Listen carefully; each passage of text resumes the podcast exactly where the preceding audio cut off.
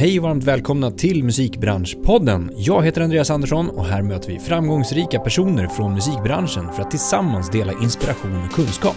Podden produceras av DMG Education, musikbranschens digitala kunskapsarena med kurser, utbildningar och coachning för dig som vill utveckla din karriär. I dagens avsnitt träffar jag Therese Sundling Liljedahl som idag är Senior Vice President Marketing Partnership på Live Nation.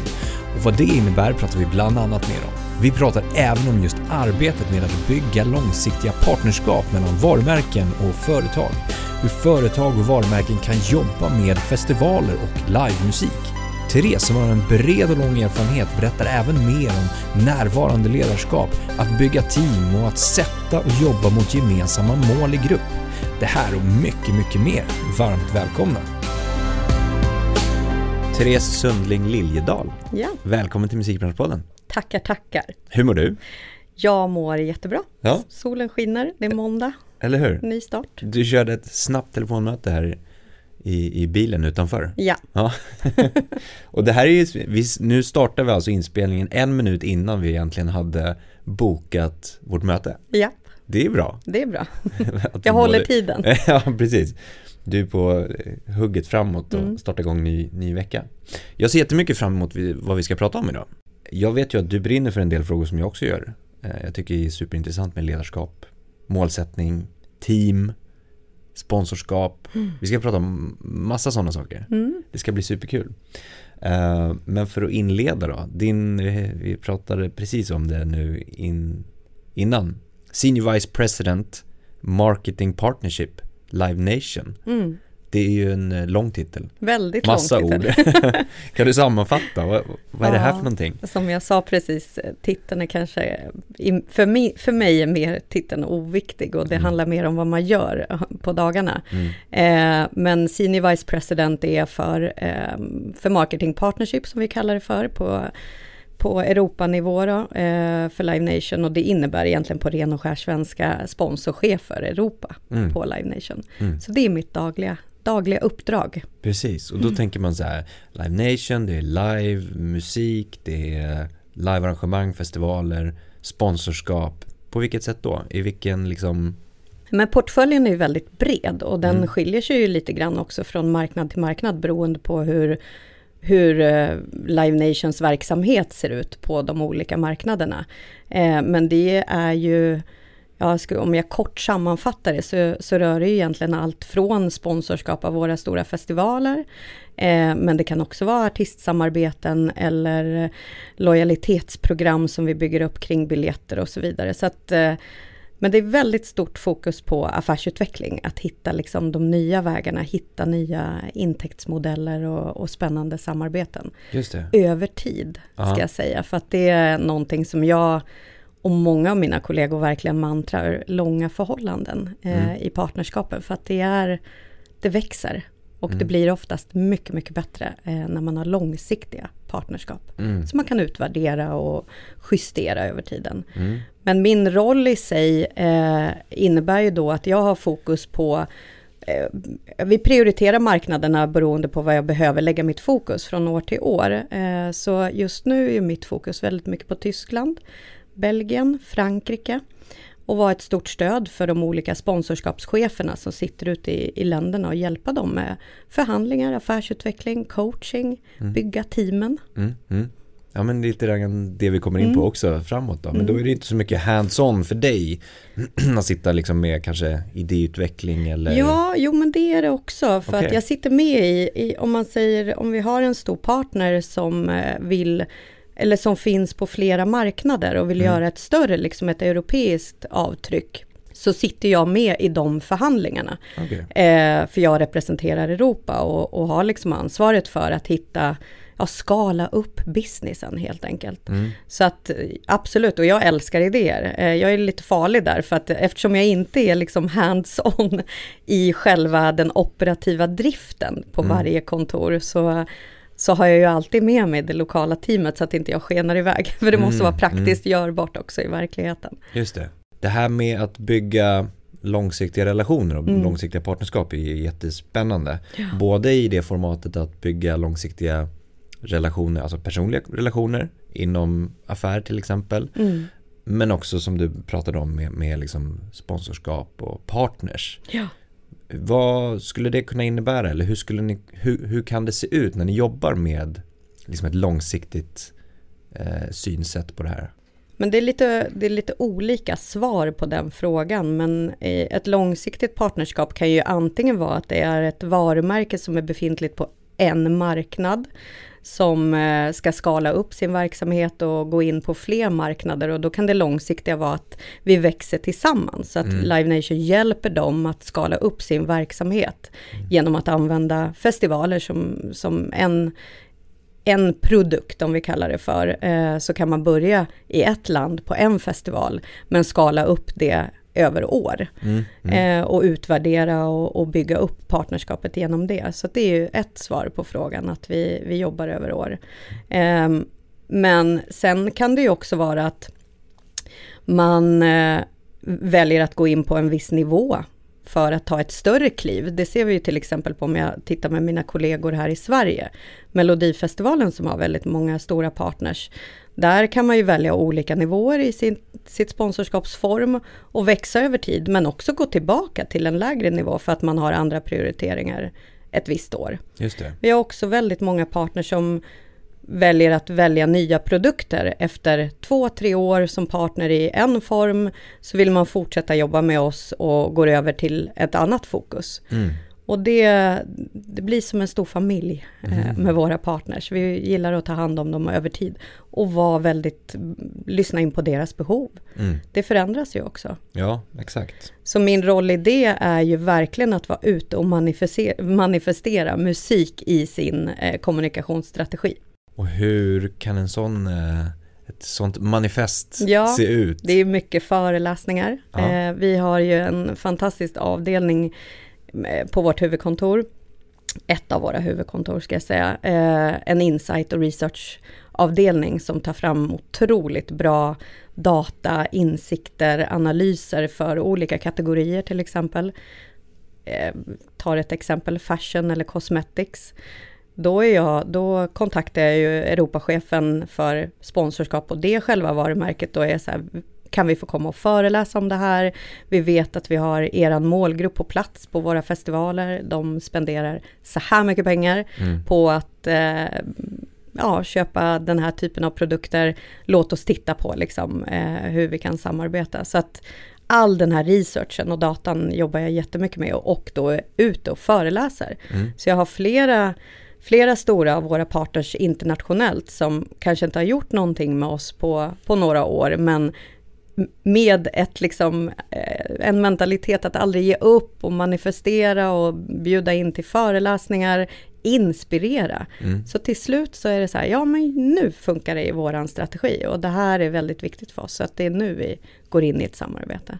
Så att eh, det är många år, långsiktighet, mm. man får inte ge upp. Ja men det är helt rätt. Mm. Jag tänker en del kanske ser det lite grann som att okej, okay, livemusik, vi har liksom de renodlade fysiska konserterna, festivalerna och de här sponsorskapen går ju att då applicera på, ja, men om vi tar ett varumärke till exempel, liksom logotyp eh, eller göra samarbeten på andra sätt i sociala medier. Mm. Hur har det här liksom utvecklats från, du har ju ändå gjort det Många ett, år. ett tag nu. eh, hur, hur, ser du liksom att det har utvecklats just inom då livemusiken från att kanske produktplacera eller sätta upp en logotyp på en eh, ett artwork. Ja, exakt. Ja. Till att liksom idag är det ju väldigt digitalt anpassat.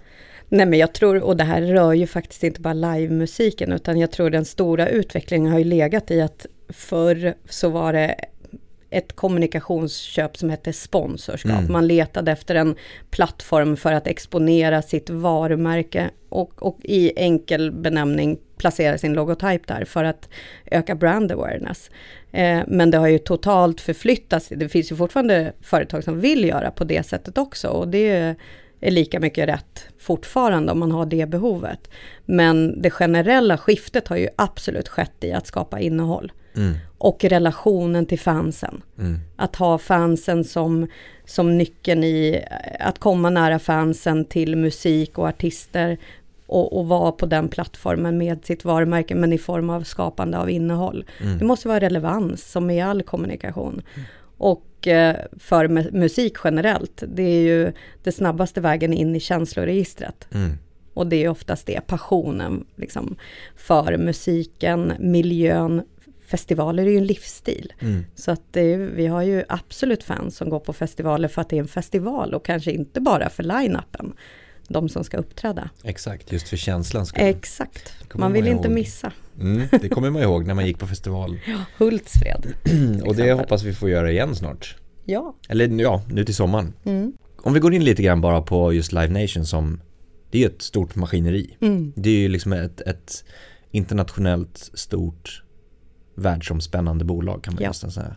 Eh, och sen så pratar ju du om att du jobbar med Europa, Mm. olika avdelningar där. Eh, går det att få någon slags helhetsbild av vad Live Nation är för någonting? Jo men det tror jag absolut. Jag menar vi är ju, Live Nation är ju ett globalt bolag men som vi också pratar om så är vi ju lika mycket lokala för att det är lokala beslut. Eh, varje Live Nation runt om i länderna är ju liksom, har ju sin egen vd och eh, har sin egen strategi och sin riktning. Men vi är ett globalt bolag där vi alla går mot samma riktning. Och det är ju artisten och musiken i fokuset. Mm. Absolut, det är ju överspännande. Och våran, vårat ekosystem är ju liksom, det är showen, det är artisten, det är musiken, till biljetterna som också då eh, drivs av Ticketmaster som är ett dotterbolag som du vet, eh, till sponsorskapsaffären. Så att det är, eh, det är vi tre som lever i symbios av våra avdelningar och, och det är ett ekosystem som håller ihop och ingen kan klara det andra utan den andra så att säga. Nej. Så att eh, det är ju precis likadant eh, för Live Nation globalt. Mm. Du har varit på just Live Nation i åtta år Ja, ungefär. ja, till och från. Det har ju varit en pandemi, Mm. tyvärr, Mm. som ja, ställde, jag menar, jag drabbades precis som alla andra med tanke på det extrema näringsförbudet som låg. Och Mm. eh, sen några år tillbaka så har jag valt att även vara egen eh, frilans eller egenföretagare. Vilket gjorde att under pandemin med, ja, med, eh, av all rimlighet så fanns det inte lika mycket för mig att göra Mm. helt enkelt. Vi Mm. hade ju ingen verksamhet på det sättet. Mer än liksom det som jag också nämnde tidigare, manifestera, föreläsa. Men det var ju också väldigt begränsat. Så då hade jag möjligheten under pandemin att ta flera frilansuppdrag. Eh, så att eh, med det sagt, ja, jag har varit på Live Nation i åtta år, men jag har också gjort andra saker nu under pandemin som har varit väldigt spännande och jättekul. Mm. Eh, Men du har ju haft lite olika, liksom, olika roller på Live Nation Mm. också. Liksom, hur skulle du säga, och även om, i den delen att du kommer in som konsult och tar uppdrag. Mm. Hur lång tid skulle du säga att det tar för dig att sätta dig in i en specifik roll eller ett specifikt uppdrag? Det går snabbt. Det går snabbt. Ja. Är det erfarenheten som... Ja, nej men det går snabbt. Eh, det kanske inte skulle gå lika snabbt om jag bytte bransch helt och hållet såklart, för då måste man liksom lära sig på nytt som att börja skolan. Men det går väldigt, väldigt snabbt när jag tar mig an uppdrag och det, det ligger i att jag har driv och passion för det Mm. jag gör. Jag åtar mig ingenting som, inte, som jag inte får en kick av. För att jag vet också att med det kommer det bra resultat. Sen, är, sen tar det ju tid innan man får effekt av min Ja. roll eller det jag har i uppdrag att bygga upp ett team eller göra en stor förhandling. Det går ju inte snabbt alla gånger utan det måste få ha sin tid. Men, men jag axlar rollen med mycket passion och mycket driv och därmed går det snabbt. Mm. Sen har jag ju, och det tror jag man ser, mitt CV tror jag är som ett stort garnnystan ibland i olika titlar och roller för att min roll tenderar att förändras. Mm. Jag får mer att göra eller så får jag ett ytterligare ett annat uppdrag inom företaget jag representerar så att det, det förändras över tid. Det. Men det är också för att det öppnar sig nya möjligheter, dörrar jag ser att ska vi inte göra på det här sättet, vi slår ihop marknadsavdelningen och sponsoravdelningen för att det kommer skapa mer affärsnytta. Så testar man det. Det kanske inte funkar alla gånger när man kommer med sådana idéer men jag har också haft tur att vara på arbetsplatser där man har omfamnat det. Att, Ja men gud, vi testar det här, vi kör eh, och utvärderar sen. Så att ja, jag har haft många roller på Live Nation, men det var likadant när jag var på MTG innan. Där var det också väldigt många olika roller över de 13 åren jag var där. Mm. Men eh, är det den samlade erfarenheten också? Alltså från att du faktiskt har gjort väldigt många olika saker som kan göra att du sätter in snabbare också? Ja men det tror jag absolut. Eh, nu är man ju inte ung längre. Och med åren kommer eh, kompetens och vishet och klokhet och också man lär sig av misstag man har gjort. Mm. Så att eh, det är såklart att det är så, att Mm. jag har kompetensen som krävs i de fallen. Men om vi, om vi, jag vet att det kan vara lite knepigt ibland att att Mm. resa tillbaka i tiden och tänka sig in i hur man tänkte då och Ja. agerade då. Men om vi ändå försöker någonstans att vi går tillbaka till början av MTG-tiden kanske. Mm. När du då tog dig an de här rollerna, Ja. tror du att du hade samma tänk som du har idag?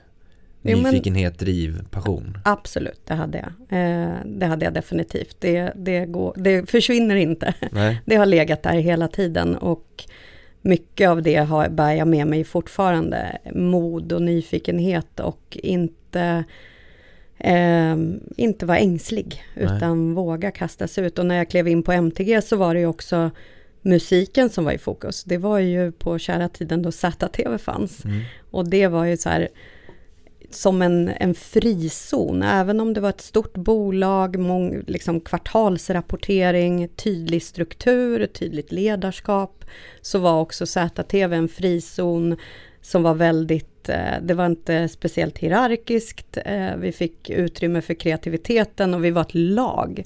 Det spelade ingen roll om man, det var Tony och Joel på musikredaktionen och så var det sponsoravdelningen och, och klassisk säljarna som sål- sålde klassisk reklam. Men alla vi jobbade bara tillsammans, liksom. Mm. det var ett vi. Mm. Så när vi hade event, vi hade ju på den tiden ett event som hette Sommarstad Gotland, Vinterstad Åre, då jobbade alla och man liksom jobbade som ett lag och det blev det som var det framgångsrika resultatet i det. Mm. Sen gjorde jag ju fler grejer på MTG också då på temat att alltid eh, förändra tjänsten. Men det är det jag bär med mig hela tiden, att man jobbar man som ett lag mot en, en tydlig målsättning och inriktning. Vi vet vart vi ska. Men vi vet också att det krävs olika vägar för att komma dit. Men har man den där gemensamma målsättningen och riktningen, då blir det bra. Då är man ju en enad, en, en, ja man är enad som team. Mm. Men den här nyfikenheten, drivet, icke-ängsligheten som du pratade om, var Mm. kommer det ifrån då? Hur, hur kan man liksom, Äh, Från mig härstammar det helt privat eh, Ja. i uppväxt. Miljö och arv Mm. helt enkelt. mm, Eh, jag har fått, nej men vissa delar i min uppväxt har gjort att jag har varit tvungen att plocka fram den sidan. Eh, så att det är definitivt, jag har, hade, ska jag säga, en biologisk pappa med missbrukarproblem och då har man en så här överlevnadsinstinkt. Man måste klara sig i vissa situationer eh, och lära sig att hantera vissa situationer och många olika typer av människor. mm. Och det där eh, är absolut ett av mitt driv. Inte så mycket passion som kommer från just den delen av uppväxten, men eh, nej, man måste fixa det. Mm. Jävlar anamma liksom. Så den här ängsligheten, Den får man eh, ha på insidan. mm. men den kan finnas kvar? Absolut. Och många dagar som jag tittar mig i spegeln och jag säger, jag kan ingenting. Vad, vad, är, vad är det jag håller på med? Hur kom jag hit? Mm. Så att jag tror, men det tror jag också är viktigt att det är skönt att få vara lite ängslig och, li, och lite tveka också. Men så har man bra människor runt omkring sig, ett bra gäng, bra team igen, eh, bra vänner som är så här, nej men du klarar visst av det här, kör, du vet ju vad du går för. Men eh, ja, det finns en, en eh, det finns en liten tjej på 11 år som tvekar också Mm. såklart. Det låter som att jag bara kör, men det gör jag inte såklart. Men när de här eh, tankarna kring ängslighet, det är ganska vanligt och Mm. lite som vi pratar om nu, det har varit två tuffa år Mm. för många Mm. som kanske både funderar på vad, vad håller jag på med, är det här rätt, hur har jag tagit mig hit, vad ska jag göra framåt, den ängsligheten kanske blir någon slags början på en spiral neråt. Mm. Hur, hur kan man hindra att man fortsätter neråt? Hur kan man liksom lyftas upp mer än, än vänner, Mm. team? Men jag tror ju mycket på det jag pratat om med mina nära, livsbalansen i det här att eh, eller så här, om vi backar och pratar om just det här med pandemin och vad det har gjort hos folk och ens egen ängslighet. Det har ju varit otroligt tungt. Och eh, jag tror den mentala ohälsan, vi har inte sett början av det än. Eh, det kommer komma nu. Mm. För att man har reflekterat, man har mått dåligt. Eh, jag tycker däremot att det jag ser är att folk har varit duktiga på att prata om det. Att det här är sjukt tufft. Mm. Jag vet inte hur jag ska få ny energi eller jag längtar tillbaka till när allting var som det var. Men hur ska jag komma upp ur den här negativa spiralen eller dåligt självförtroende? Jag tycker generellt är folk bättre på att prata om det, våga prata om det. Mm. Eh, men, Det är ju mycket för att det har varit en liksom kollektiv, ja, vi har gått igenom det här tillsammans. Exakt. Eh, Vi har inte liksom varit på individnivå bara. Nej, men sen vet man ju aldrig vad som händer där hemma Nej. när man sitter framför alla teamsmöten och däremellan hur man egentligen mår. Så att Exakt. jag tror ledarskapet har varit så väldigt viktigt också eh, för alla. Mm. Att ha bra ledare runt omkring sig som fångar upp signalerna bakom skärmen helt enkelt. Mm. Men eh, mitt råd, förutom att liksom ta, våga prata om det och ta hjälp av kollegor eller vänner, så är det att våga vara, eh, våga lyssna på sin inre kompass också. Och känna att, nej men jag kanske behöver ta ett par terapitimmar Mm. för att komma ur det här. Mm. Eh, och det ser jag också att många företag blir duktigare på att erbjuda sina medarbetare verktyg Mm. som både är bra i arbetssyfte men, men också för att ta hand om den mentala hälsan Mm. hos personerna på sitt företag. Men jag tror nog min starkaste, min starkaste rekommendation är att våga prata om det för att vända spiralen. Mm. Sen kan man ju göra massa andra, det finns ju andra knep i boken. Liksom, att röra på sig brukar jag också säga är Mm. liksom det bästa. Mm. Mm, Må bra genom att vara ute i frisk luft, röra på sig. Det har så många, så måga uppsidor att Mm. vara aktiv. Jag, vet, jag läser ganska mycket och det vet väl, nu brukar jag tjata om det, men, Mm. men ändå, det finns mycket att hämta utifrån att liksom vi är ju så upptagna med mycket teknik, vi har allt runt omkring oss, vi Mm. knapptryck, bort bara sådär. Eh, och vi, det är många som sällan umgås med sig själva. Mm. Eh, just att bara faktiskt koppla bort alltihopa och umgås med sig själv. En liten, liten stund, en liten tid. Precis som du var ute, ja, men var ute i naturen och Mm. faktiskt aktivt lyssna på att det är en fågel där borta. Ja, Eller lukta, det luktar om det där trädet. Mm. Eller vad som helst. Mm. Att, att vara aktiv i det tror jag kan vara till hjälp väldigt mycket. Och det, visst, det är svårt att ta sig ur en sån spiral också Mm. kanske. Att man har nära till Instagram, Mm. Facebook, alla möjliga appar och hej och. Mm. Ehm, Men att liksom våga umgås med sig själv. Mm.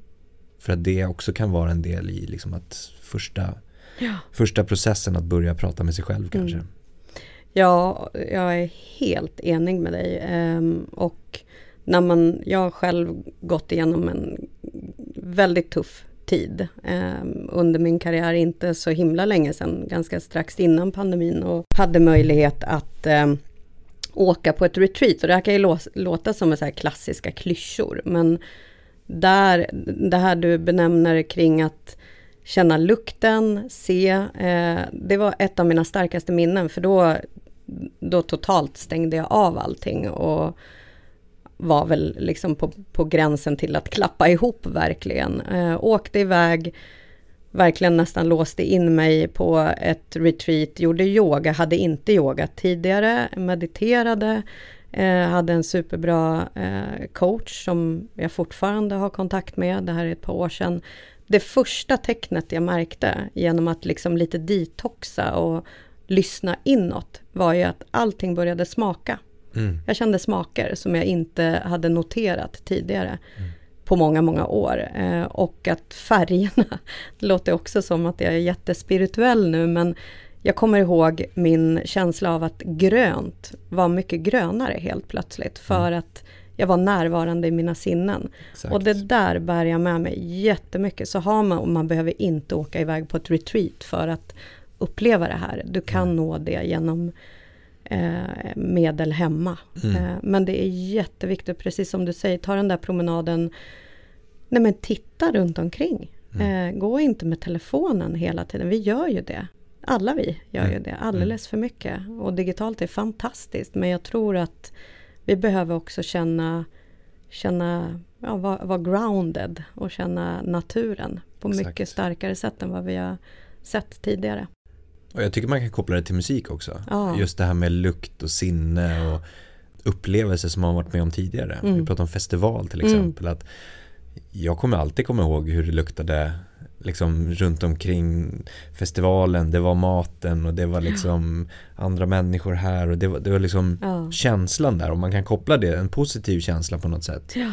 Och ha eh, musiken att luta sig tillbaka på i ja. sådana här eh, liksom, stunder där man kanske behöver ta sig upp på något sätt. Absolut.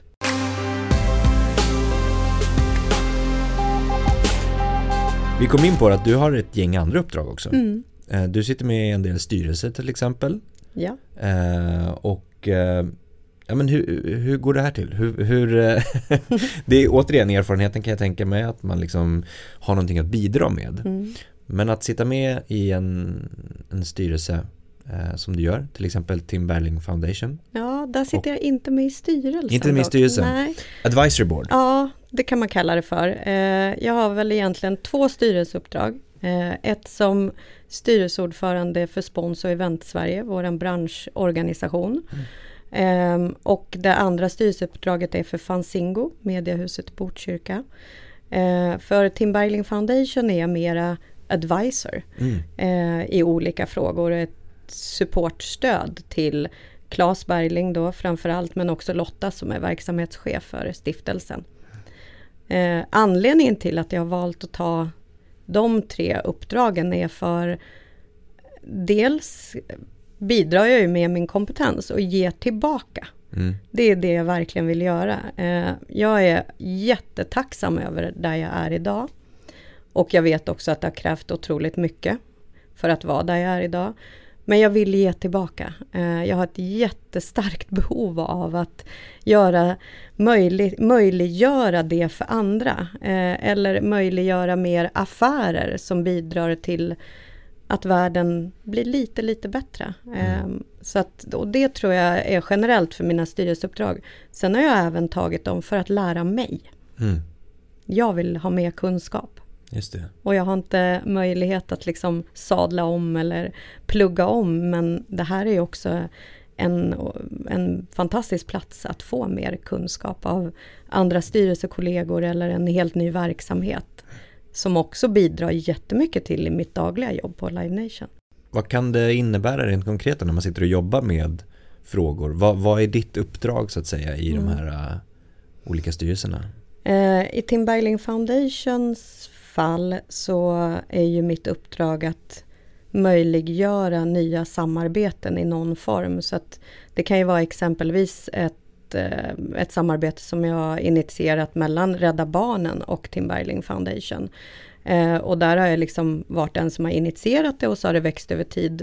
Det innebär att vi gemensamt, Rädda Barnen, går in och driftar fritidsgårdar eh, runt om i Sverige, i socioekonomiskt utsatta områden. Eh, Tim Bergling Foundation ska därmed också bygga tio musikstudios över två år. Eh, delvis på eh, fritidsgårdar som Rädda Barnen driftar men kan även dyka upp på andra platser. Och då går jag in och möjliggör det och, och just i det fallet så tittar vi nu på om vi kan få funding eller support av olika bolag runt om i näringslivet som vill vara med på den här resan.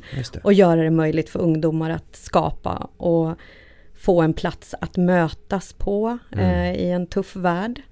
Eh, och vi vet att det också skapar ja, förutsättningar för att må bättre. Mm. Så att det är ju en sak att få vara med på den resan då, att genom mitt nätverk och de kontakter jag har, öppna dörrar som gör det möjligt för att de här organisationerna eller Tim Bergling Foundation får möjlighet att jobba med varumärken eller andra organisationer, så bidrar jag med det. I Sponsor Event Sverige, där sitter jag ju som styrelseordförande, så där är ju min min uppgift är ju väldigt mycket att coacha Malin som är eh, VD för, för CES. eh, och vara ett bollplank till henne i driftsfrågor när hon behöver. Mm. Och det är ju väldigt liksom, CES är ju, har ju funnits väldigt länge så att det är en verksamhet som är up and running verkligen. Eh, men vi tittar ju också där på med styrelsen, vad ska vi förbättra för våra medlemmar? Mm. Nu under pandemin har det varit väldigt drivet i, i frågor med eh, regeringen såklart. Exakt. Eh, men nu när vi kliver tillbaka så, så handlar det om att skapa medlemsnytta. Så Malin och teamet på CES, de driver mycket utbildningar, föreläsningar, ger verktyg till våra medlemmar. Sen får vi inte glömma att vi gör Gyllene hjulet också, den stora härliga galan och prisutdelningen där 20 kategorier ska få sina gyllene hjul. Mm. Och den är nu i april. Så det är en liten mix och det är lite hands-on arbete där också? Ja, faktiskt. men inte så mycket hands-on. Eh, utan det är mera rådgivning strategiskt. Och Fanzingo? Fanzingo, samma sak där. Eh, fantastisk styrelse. Eh, där är det ju inkludering och mångfald eh, som är liksom huvudfokuset och på samma sätt där skapa förutsättningar. Om jag kan öppna en möjlighet eller en dörr till en, ett bolag i näringslivet eller i ett visst projekt. Vi har ju musiksupporten. Vi har ju mycket olika projekt i, inom Fanzingo. Om jag kan gå in och hjälpa till genom min historia eller mina kontakter så är ju det otroligt mycket värt att vi alla hjälps till i de här frågorna. Mm. Och hur får man sådana här uppdrag? Eller hur har du blivit, eh, har du blivit approachad eller? Ja, just de här fallen så har jag blivit det. Mm. Eh, Tim Bergling Foundation var ju en person i, i branschen, eh, Tims gamla agent Panos, som kontaktade mig när, när Avicii Tribute Concert skulle göras. Um, för att då behövde vi få in funding till att kunna liksom lägga grunden i att göra den stora konserten strax efter Tims bortgång. Uh, så Panos gjorde det möjligt för mig. Jag är jättetacksam över det. Att han lät mig vara med i det. Och sen födde det att jag kunde vara kvar. Då Mm. ville Claes att jag skulle vara kvar i, i stiftelsen och bidra om jag hade möjlighet. Mm. Så att det är också, allt är ju väldigt styrt av hur mycket tid jag kan lägga för att Live Nation-uppdraget är ju mitt huvudsakliga uppdrag. Mm. Så att ja, det är på bekostnad av eh, viss fritid och Mm. men jag drivs av det här så då gör det min livsbalans bra. Mm. Du pratade om det nu, det är viss fritid med livsbalans, din tid, ser du Mm. att de går mm, liksom ihop på något sätt? Att det inte finns en tydlig linje kring att det här är jobb, det här är liksom mitt privat? Eh, Jag har blivit jättemycket bättre på att eh, klippa, alltså Mm. stänga av när jag behöver stänga av just efter den tuffa tid jag hade där jag inte mådde jättetoppen. Eh, då var jag verkligen tvungen att backa tillbaka. Så att, men i och med också att jag jobbar mot många olika länder, jag reser väldigt mycket. Eh, nu kommer jag inte resa på samma sätt som vi gjorde inom pandemin, det vore dumt att göra det, utan Mm. nu kan man ju faktiskt, det är mer okej att jobba mer digitalt.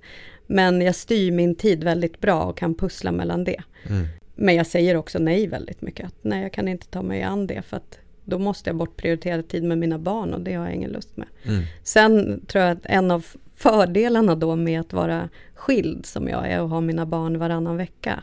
Det skapar ju också möjlighet att varannan vecka kan jag vara mer flexibel. Mm. Då är det inte skjutsa till träningar på samma sätt som det är varannan vecka. Mm. Men när jag har barnen, då är det barnen som gäller. Mm. Då är det det som är full prioritet. Mm. Jag tänker, du har ju samlat på dig massa erfarenhet eh, under din karriär Mm. och du har tagit massa uppdrag, du har varit nyfiken, du har varit drivande. Eh, vad tror du är viktigt att samla på sig framåt för andra personer? Om du får se liksom, du har ju en liten coachande Mm. Liksom, person i dig också. Mm. Ehm, om du får se på musikbranschen som den ser ut idag och framåt och prata med någon som kanske vill skapa sig erfarenhet, vill skapa sig en karriär framåt ehm, och måla med liksom stora penseldrag. Det är svårt att veta exakt vad som kommer, att jag ska lära mig om det där eller specifikt det där. Men kunskaper och kompetenser och erfarenhet, vad skulle du tipsa om? Nej men jag skulle tipsa om, om du är om du är ung i vår bransch och vill eh, vara här länge så skulle jag ju säga lyhördhet. Var öppen, lär dig saker. Jag kan se att en yngre, yngre generation eh, det är en väldigt självsäker generation vi har där ute. Eh, glöm inte att vara lyhörd och vara ödmjuk inför det faktum att det är väldigt mycket kunniga människor runt omkring. Eh, så lär, lär att lyssna, var duktig på att lyssna mm. och ta råd av personer som har jobbat länge i branschen mm. eller dina kollegor. Så var lyhörd. Då, det, går väldigt, det går väldigt bra då om mm. man lär sig att lyssna och ta till sig. Sen skulle jag nog vilja göra ett medskick till vad behöver vår bransch göra? Det är att skapa mer förutsättningar för nya talanger. Återigen.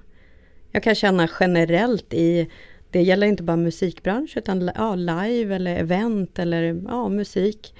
Vi behöver bli jättemycket bättre på att göra rekryteringar. Ehm, vi är fortfarande väldigt inne i våran sfär. Det har skett mycket bra. Jag tycker Universal är sjukt duktiga på att hitta nya talanger bland annat. Eh, men vi behöver göra så mycket mer. Stora mediehusen, arrangörer, skapa nya förutsättningar för att hitta nya talanger. Inte bara rekrytera i nätverk.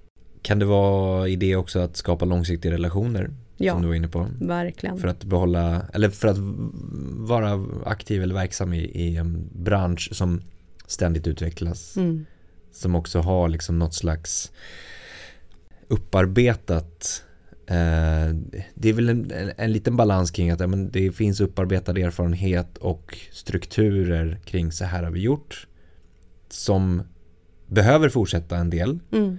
och en del behöver bara raseras totalt. Ja, definitivt. Och, och liksom veta vad som ska liksom på något sätt, vissa raseras är väl självklara såklart och vissa är mindre självklara och vissa ska ifrågasättas och vissa ska utvecklas på något sätt. Ja. Um, men jag tror att det är, det är svårt för många att, eller jag vet att det är svårt för många att hitta någon slags balans kring att okej, okay, nu ska jag vara ifrågasättande, nu ska jag vara komma med förslag, samtidigt ska jag vara väldigt lyhörd för mm. hur det är gjort. Mm. Tror du att det finns någon så här rent praktisk gå tillväga på det här sättet? Mm det är svårt det där. Eh, men du har helt rätt i de långsiktiga, skapa långsiktiga relationer. återigen det här med att vara lyhörd, nyfiken, mm. bygga nätverk. Eh, det är nog inte liksom våga ta steget och lära känna människor för det bygger över tid. Mm. Det tror jag är jätteviktigt. Jag är ju otroligt tacksam över alla jag lärde känna på min ZTV-tid när jag jobbade där. De bär jag med mig fortfarande i mitt nätverk. Mm varenda person man träffar är ju nätverk för framtiden mm. i vår bransch. Och eh, så stor är den inte och folk rör på sig och det är jätteviktigt att, att värna om de långsiktiga relationerna. Och på din fråga där med så här, komma med idéer, vara proaktiv, våga ifrågasätta men samtidigt vara lyhörd. Ja, jag säger var street smart, känn av rummet, jag tror fler behöver vara mer, ha mer säljande retorik. Sälj är fint, man lär sig psykologi i det. Mm. När, var, hur ska jag lägga fram det här förslaget eh, för att få det dit jag vill eller för att få folk att lyssna. Mm. Eh, så det är mycket psykologi i det, men känn av rummet, mm. läs av.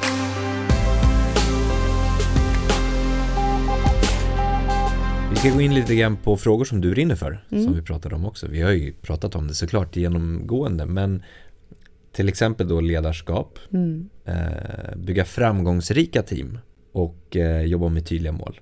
Och en fantastisk sammanhållning. Ja. Har du skrivit någonstans också? Ja. Vi börjar lite och gräva ja. lite i de här delarna tänker jag mig, för jag tycker det är jättespännande också. Om vi, om vi börjar med ledarskapsfrågan där då.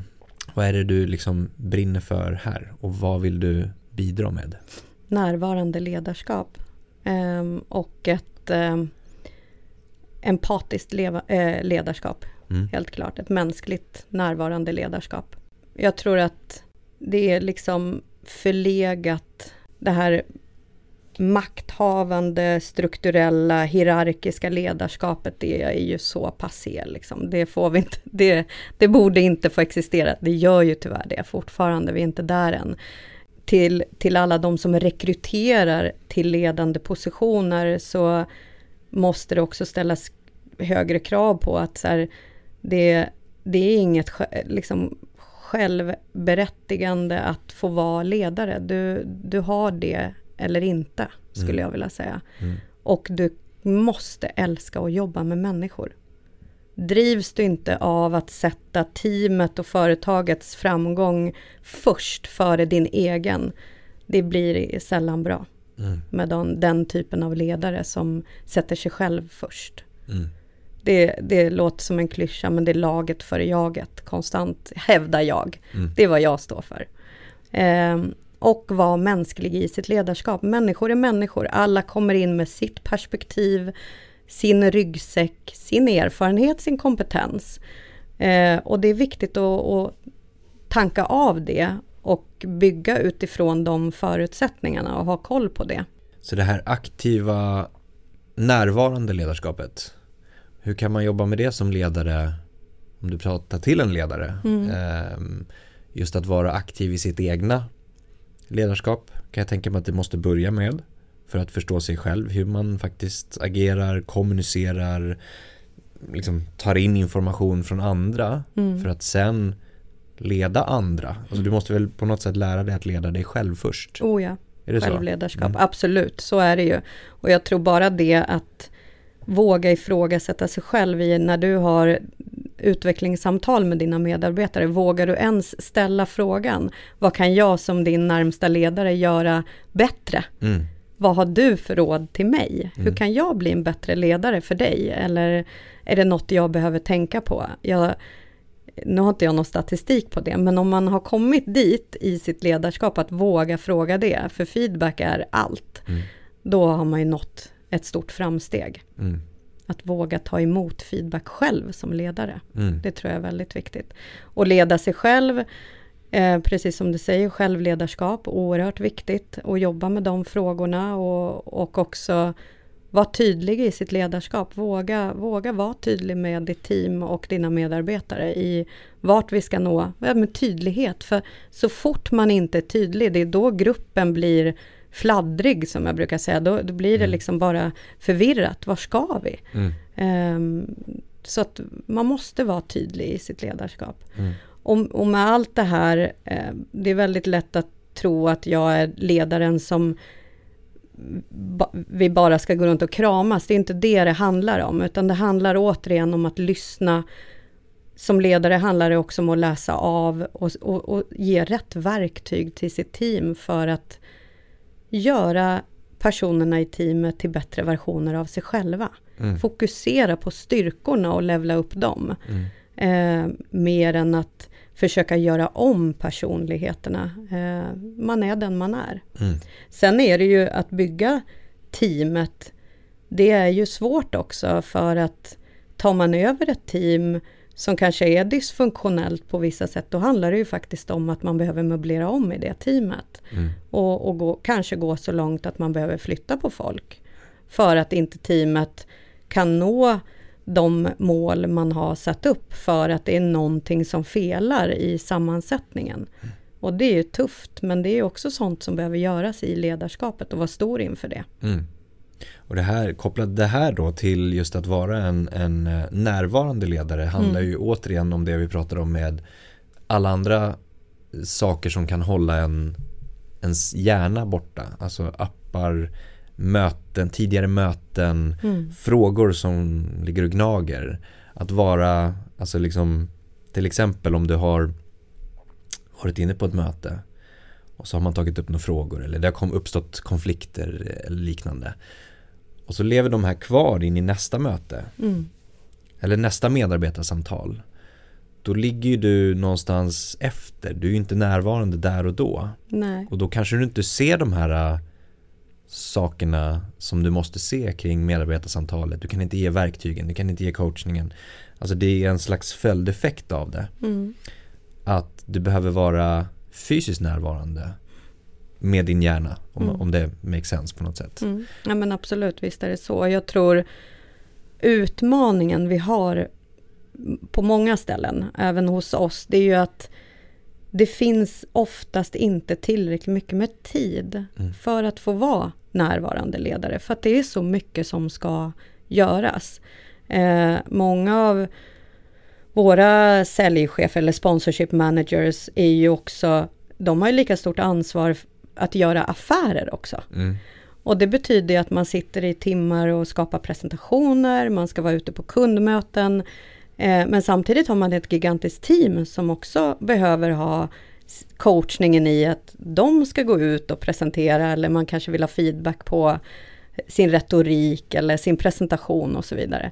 Eh, men man tillåts inte ha tillräckligt mycket med tid för att vara ledare. Mm. Det underskattas lite grann, nu säger jag generellt, att det tar tid Mm. att vara, har du ett team så måste det få ta sin tid. Mm. För det är det som är att vara ledare, att vara till för dem och, och höja. Mm.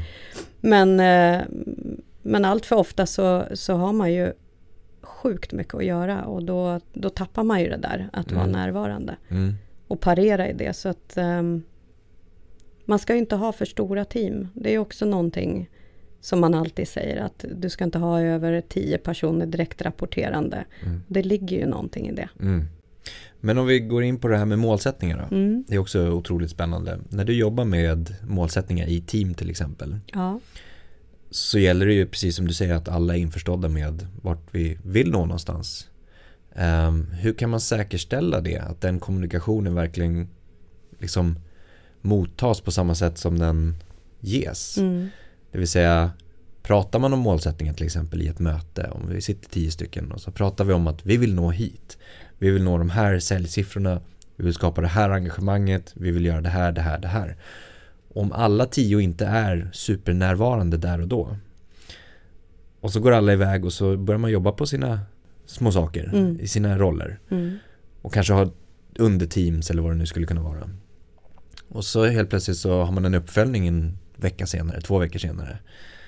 Och så har någon suttit och jobbat åt något lite helt annat håll. Mm. För att man inte riktigt hade kommunikationen. Det kan ju vara i, i förmedlandet av kommunikationen eller att den personen inte var närvarande och tog in det. Mm. Men att förstå vad de här tydliga målen innebär. Hur, hur kan man jobba med tydlighet? Ja, jag tror att en nyckel av många är ju också att när du sätter upp målen, budgetar är ju en sak, liksom. det, är Mm. väldigt, det är väldigt tydligt, det är Ja, väldigt precis. handfast. Det går ju att mäta väldigt Ja, specifikt. det är så.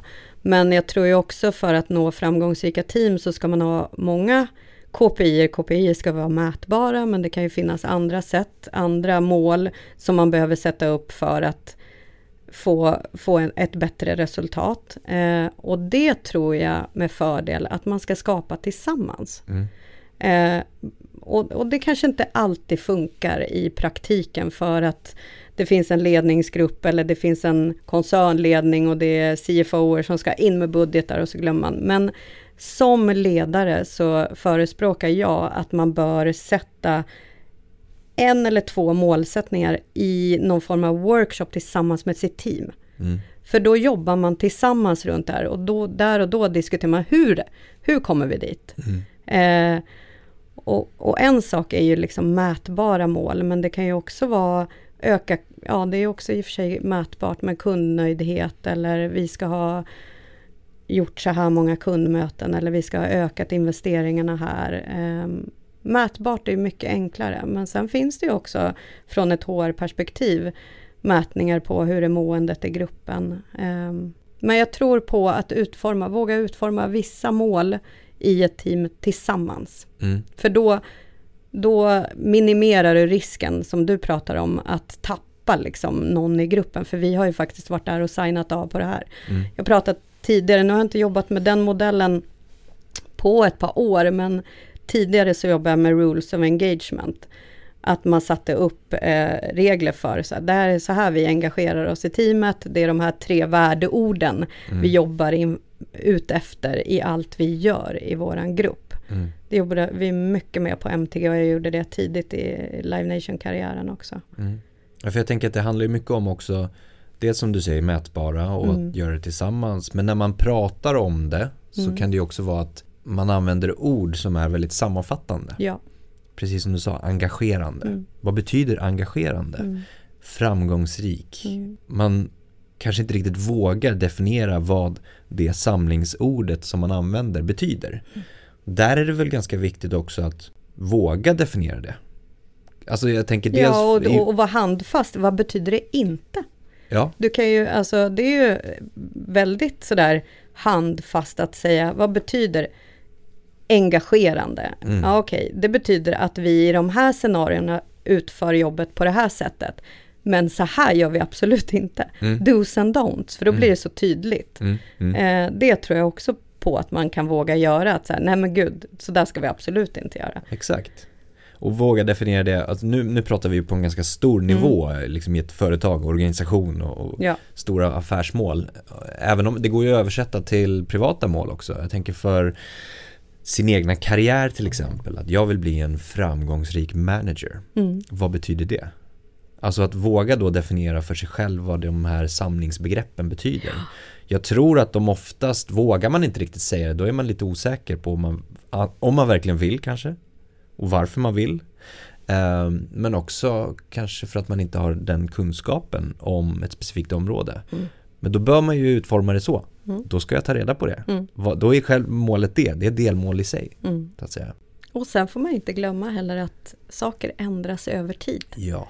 Eh, och då måste man revidera det. Eh, när du säger framgångsrik manager, eh, vad innefattar det? Eller jag ska bli en framgångsrik ledare. Vad är framgångsrik? Framgångsrik för mig idag är inte, innefattar inte alls samma saker jag gjorde för tio år sedan. Exakt. Inte i närheten skulle jag säga. Nej men och Ja, exakt. Och verkligen förstå det. Alla de här samhällsbegreppen, vad det betyder idag. Mm. Men själva målet är ju inte idag, utan målet är ju i framtiden. Exakt. Och vad betyder det då? Mm. Men eh, är det alltid lätt att få med folk, skulle du säga, i, i ditt arbete nu då, på målsättningar? Eh, kring att jobba mot mål? Ja, men, jag, men på, det, det tycker jag nog. Alltså jag, vi är, alltså på, på Live Nation-sidan så är det väldigt tydligt. Um, så vi, vi har en väldigt härlig liksom, teamkänsla runt om i Europa. Mm. Sen är vi så pass olika, jag menar, mitt team i Belgien är bara två personer, medan i Tyskland så är det över 15. Så att det är väldigt olika liksom. Och det, Vad är lättast det, att jobba mot, eller med mål då? Två personer eller 15? Nej, 15 skulle jag säga. Är det lättare? Ja, jag tror det. Uh, För att man får mer ja, liksom, det, infallsvinklar ja. eller? Ja, det, det, är mer strukturerat på det sättet. Man kan inte, man har inte samma resurser att gå full on på samma sätt när man är två. Nej. Och därför tar allting lite längre tid. Så det gör ju att jag också måste anpassa mina förväntningar såklart. Mm. Uh, men vi har väldigt bra, så jag, där, där skulle jag känna mig nöjd skulle jag säga, mm. just nu. Det här med, just det här, samarbete, bygga samarbete mellan, mellan varumärken um, och uh, du har ju en, en liten line som du har sagt vet jag. Hitta samarbeten som har en god intention och som gör skillnad. Ja. Uh, och det är lite det du har pratat om också i ja. även ditt egna arbete. Ja. Alltså varför du har tagit på dig vissa av de här uppdragen som vi har pratat om. Men hur kan man, att bygga de här samarbetena eh, varumärke till varumärke. Mm. Hur, hur kan man, jag vet inte, kan man säga personifiera det för att det ska bli mer verkligt mellan själva varumärket? Det är en svår, en stor och svår fråga. Så, men för mig betyder det, och det tycker jag också är väldigt bra eh, just nu, att frågor som CSR, alltså social hållbarhet eller hållbar miljöaspekten, det är på kartan. Liksom. Det, det ser vi generellt, eh, att när man gör samarbeten i olika former så finns det en krok i det samarbete som berör de här frågorna. Mm. Och det tycker jag är jättesunt och jättebra och jag skulle gärna vilja att alla samarbeten var så. Mm. Eh, ja, samarbeten handlar ju också om return of investment, man vill kränga mer produkter, dricka mer av en viss läsk och så vidare. Men vi har ju ett samhällsansvar. All den här makten vi sitter på, antingen om man är en artist eller en festival eller ett varumärke, vi, vi måste ta mer ansvar mm. eh, i världen. Det är jättetydligt, vi behöver det. Mm. Um, så för mig handlar det väldigt mycket om att mantra det och tjata. tjata på att så här, se till att när du gör det här samarbetet eller Välj den här frågan, vad skapar det för andra värden? Gör att folk rör på sig mer eller skapar det förutsättningar för barn och ungdom att eh, skapa musik eller eh, kan vi minimera plast? Eh, sampla inte produkter som är si och så. Ta ansvar i mm. varje litet, litet samarbete, stort mm. som smått. Mm. Det är viktigt. Och framförallt så brinner jag ju för, och en uppmaning är ju liksom Tänk på våra unga och unga vuxna. Mm. Och den värld vi skapar för dem.